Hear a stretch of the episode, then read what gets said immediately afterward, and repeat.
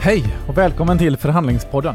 Nu är vi här igen och drar igång säsong 4. Hoppas ni haft en bra sommar och inledning på hösten och är redo för att bli eh, ännu vassare förhandlare. Jag som driver den här podden heter Karl Fager på Max Advokatbyrå och eh, jag driver Förhandlingspodden därför att jag vill lära mig mer om förhandlingar och jag vill träffa spännande människor och ta del av deras erfarenheter och upplevelser. Och vi rivstartar med Brynolf och Ljung trollkarlarna som har eh, trollbundit en hel nation och även eh, en hel värld. Eh, fått många stora utmärkelser både i Sverige och utomlands. Och eh, vi ska göra det på lite annat sätt. Vi ska försöka omsätta det de använder i sitt trolleri in i förhandlingssituationer eh, och, och deras liksom allmänna erfarenheter.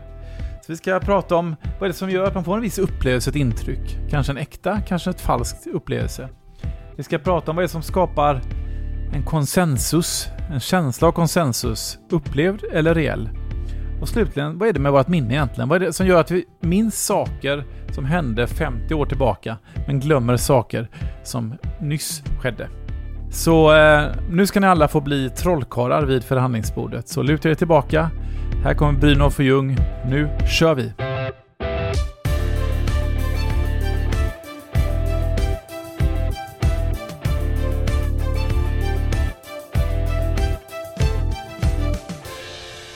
Sådär, då eh, är vi live. Killar, ni har haft fullt upp ett tag nu va? Det har varit eh, inspelning och det har varit eh, diverse shower och turnéer runt om i landet. Har det gått bra? Det har gått jättebra faktiskt. Ja. Fantastiskt kul att... Eh, det är alltid så med alla jobb att det är alltid kul när man får utveckla sig och ta det ett steg längre och det tycker jag att vi har fått göra successivt nu de senaste åren faktiskt. Hur ser er fördelning ut? Hur mycket är den här typen av så här, företagsjobb? Hur mycket är turnerandet för allmänhet och hur mycket är mer inspelning av kanske... Poddar. Ja, ja poddar typ. Ja, det, är, det är en överhängande del av arbetet som är Bara poddar. Ja, men det är så för mig också. Finns en, det finns en hel del pengar i den Ja, branschen. ja prata inte om det. Eh, nej men eh, det är så, nej men det har, det har gått lite i vågor eh, beroende på var, ja men vår karriär vi har befunnit oss. För 2009 så tog vi silver i VM i trolleri och då var vi utomlands massa år på grund av det. Eh, och sen så började vi ju för två och ett halvt år sedan att göra vår tv-serie TV4 och då har, vi, då har vi varit i Sverige nästan uteslutande under den perioden. Och så har vi jobbat med tv-programmet och vi har jobbat med våran egen show som har spelat i ett och ett halvt år nu då. Hokus Pokus Motherfuckers. Som har spelat på ja, men så här konserthus och teatrar runt om i hela Sverige. Men den är, det är klart precis nu. Så då har vi inte hunnit så mycket annat. Precis, men vad händer nu liksom? Det... Semester. Ja, nu är det så. Precis. Nej, nu, har, nu har vi... eh, Nej, men nu börjar vi på en, eh, nästa projekt. Det är ju alltid så, innan någonting syns så är det hemligt ofta eller inte publikt då, kanske ett och ett halvt, två år. För det är så lång tid det tar att, att skriva en föreställning eller köra ett projekt innan det går till sändning Vi- vi har eller premiär. Vi har ju alltid jobbat väldigt mycket projektbaserat får man säga. Som har löpt på allt mellan två månader och ett och ett halvt år liksom. Så att TV, tv-serien är en typisk sån där grej. att Vi jobbar kanske med den fyra, fem månader innan tv, innan inspelningarna och sen är det själva inspelningarna som är fruktansvärda. Eh, väldigt, ja, men väldigt mycket press och det är kort inspelningstid och vi ska hinna producera väldigt mycket material för det här liksom. Och sen så blir det kanske lite lugnt en månad och så går man igång med något annat projekt så småningom. All right, vi ska gå lite på djupet på, på något sätt de mänskliga faktorer som ni jobbar med i er föreställning. Mm. Vi kanske också ska försöka liksom dra lite analogier till affärslivet, till förhandlingar etc. Jag tänkte börja på det här lite med, med upplevelser, intryck, det här med liksom primära, sekundära intryck. Jag blev lite nyfiken på när ni pratade om den här lådan här. Fäst ett öga på den liksom. Vad, ja, hur, hur jobbar ni med de sakerna? Ja, vad tänkte du då när vi sa Gjorde du det? Höll du koll på lådan? Nej, det gjorde jag inte. Nej, du bara, nej, kommer jag inte göra. Nej. Nej, så tänkte jag nog inte, men jag Nej. tänkte att ja, jag Nej, du, glöm, tappade, du glömde tappade den grejen. kanske? Liksom. Aha. Nej, jag förstår. Eh, ja, nej, nej men hur menar du? Eh, primära, sekundära? Nej, men liksom vad, att man fäster sin uppmärksamhet på någonting och liksom, vad är det man då tappar uppmärksamhet på? Jag antar att det är någonting som ni jobbar med liksom i, i showen. Det handlar om att om jag och Jonas vill att ni ska titta på någonting så gör vi ju det viktigt. Det behöver inte vara specifikt att vi talar om att det här är viktigt. Det kanske vi också gör. Men det handlar ju om en... Genom att isolera ett föremål på ett bord i det här fallet, eller normalt sett hänga vid taket, eller vad man nu gör, då har vi talat om väldigt tydligt, det här föremålet är viktigt. Och det handlar inte bara om, för i det här fallet ville ju vi verkligen att ni skulle titta på lådan för att ni inte skulle missa vad som hände sen. Så att det är inte så här att det här måste hänga upp en trollerimetod. Nej. Utan här, för att det här skulle eh, bli greppbart så var man tvungen att som publik vara medveten om att lådan har stått där hela tiden. Mm. Um, och därför gör vi den viktig på det här viset. Då. Ja. Vad använder man för, om man tänker att man själv vill, vill liksom lära sig lite av det där, för det kan man använda både i liksom privatliv och yrkesliv, för att få någon att fokusera på någonting. Eller tvärtom, man vill få någon att liksom tappa lite uppmärksamhet på någonting. Vad, liksom, vilka, finns det några metoder eller verktyg man kan jobba med då? Men det är ju det vi var inne på egentligen, att om du vill att folk ska fokusera på någonting, då handlar det om att du, du behöver visa att det här är viktigt, att det betyder någonting för dig. Och tvärtom, vill du att folk inte ska fokusera på någonting, då då behöver det vara fullkomligt oviktigt. Ja, eller att man gör eh, annat bredvid viktigt. Precis. Det är ett bra sätt att uh, avleda uppmärksamhet då. Kan du ge ett exempel på det? Istället för att liksom använda negationer, istället för att säga att det här är inte viktigt då, så, så tror jag att man tjänar på att berätta vad som är viktigt istället. Mm. Och så, jag menar, så mycket fokus klarar de flesta inte av att hålla utan man... Det, hand, det, alltså med trolleri, det handlar, det handlar betydligt mycket mer om att leda uppmärksamhet dit du vill ha den istället för att avleda uppmärksamhet. Så tänk, tänker man istället att du vill ha bort uppmärksamhet från, från någonstans så behöver du leda den uppmärksamheten någon annanstans och göra något, någonting annat väldigt viktigt och väldigt intressant. Precis, det funkar inte att bara, här finns ingenting att se. Då blir alla jättenyfikna. Ja. Utan det är bättre, att kolla här borta istället. Liksom. Ja, ja. men precis. Mm. Leda uppmärksamheten. All right. Eh, om vi går över till det här med konsensus, att människor är överens om någonting. Det är någonting ni också ni jobbar med och som för oss som, som eh, jurister är det klart att det är ju det är liksom vårt levebröd. Dels att folk kommer överens och sen att folk eh, kanske inte är överens om vad de var överens om. Hur jobbar ni med den saken och vad har ni för syn på den frågan? Ja, men det, det, är ett intressant fenomen för jag tänker att ni som jurister, ni har en bild av vad konsensus är och ni är medvetna om det här begreppet. Men jag tänker att eh, människor i, i allmänhet eh, befinner sig i massa situationer, i förhandlingssituationer, i, i vardagliga situationer där en part tänker att man är överens och den andra parten inte alls känner sig överens eller känner sig eh, att man, man har kommit till det läget man, man har kommit i, i, någon form av konsensus eh, genom tvång eller genom, ja men det, det, var inte vad man ville va. Man är inte, man är inte nöjd med den förhandlingen va. Eh, och, det, och jag tror att jag tror att den situationen uppkommer mycket oftare än vad man tror och inte bara nu i liksom strikt juridiska situationer utan i, i vardagliga situationer där man tänker att nu har vi upplevt samma sak och vi är överens om det här och så behöver det absolut inte vara så. Hur ska man undvika att hamna i det läget? Ja, jag tror att det viktiga är att faktiskt vara medveten om att det är så pass vanligt. Eh, det, det, är så vanligt att man har uppfattat en situation olika, att man, är, att man helt enkelt är lyhörd för det och mm. kan, uh, man kan ta med det i, i beaktning. Att man verkligen på riktigt lyssnar på vad människor Eh, säger. Så man inte bara sitter och tänker på vad man ska säga härnäst. Liksom. Och det, det är ju verkligen så att man, eh, beroende på vilka förutsättningar man har så uppfattar man ju saker som säger väldigt, väldigt olika. Om man kan styra förutsättningarna, då kanske man också kan styra, vi utnyttjar just det faktumet också i vissa lägen genom att ge folk till synes samma information. Precis, vi, vi exploaterar ju ja. det här och det grövsta, kan jag säga. Nej, nej, men genom att ut, utnyttja att vi vet att om, om vi ger en människa den här informationen och en annan människa den här informationen så kommer de att uppfatta, de kommer att tro att de har varit med om samma sak. Men vi kan se till, vi vet att det har de inte varit. Och på det viset kan vi också utnyttja de här skillnaderna som uppstår. Eh, så att det, det, det, är lite grann eh, beroende på varifrån man kommer.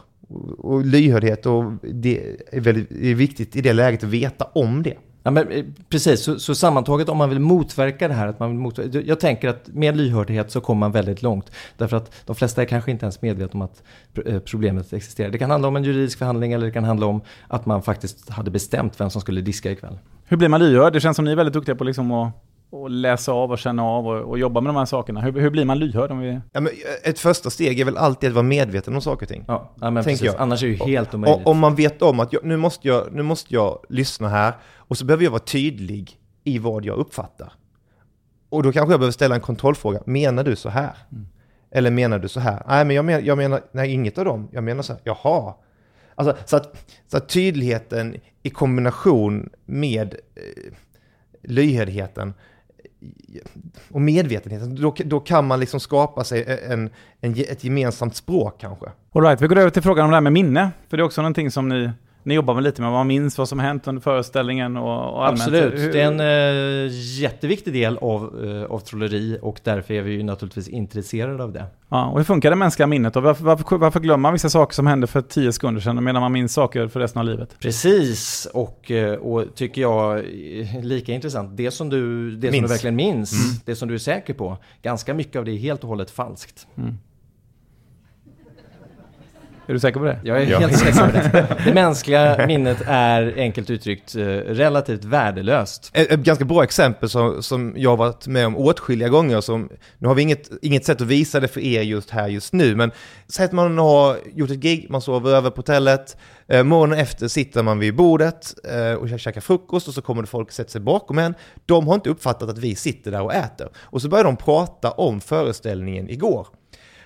Om vi kunde göra de sakerna som de återberättar, wow säger jag.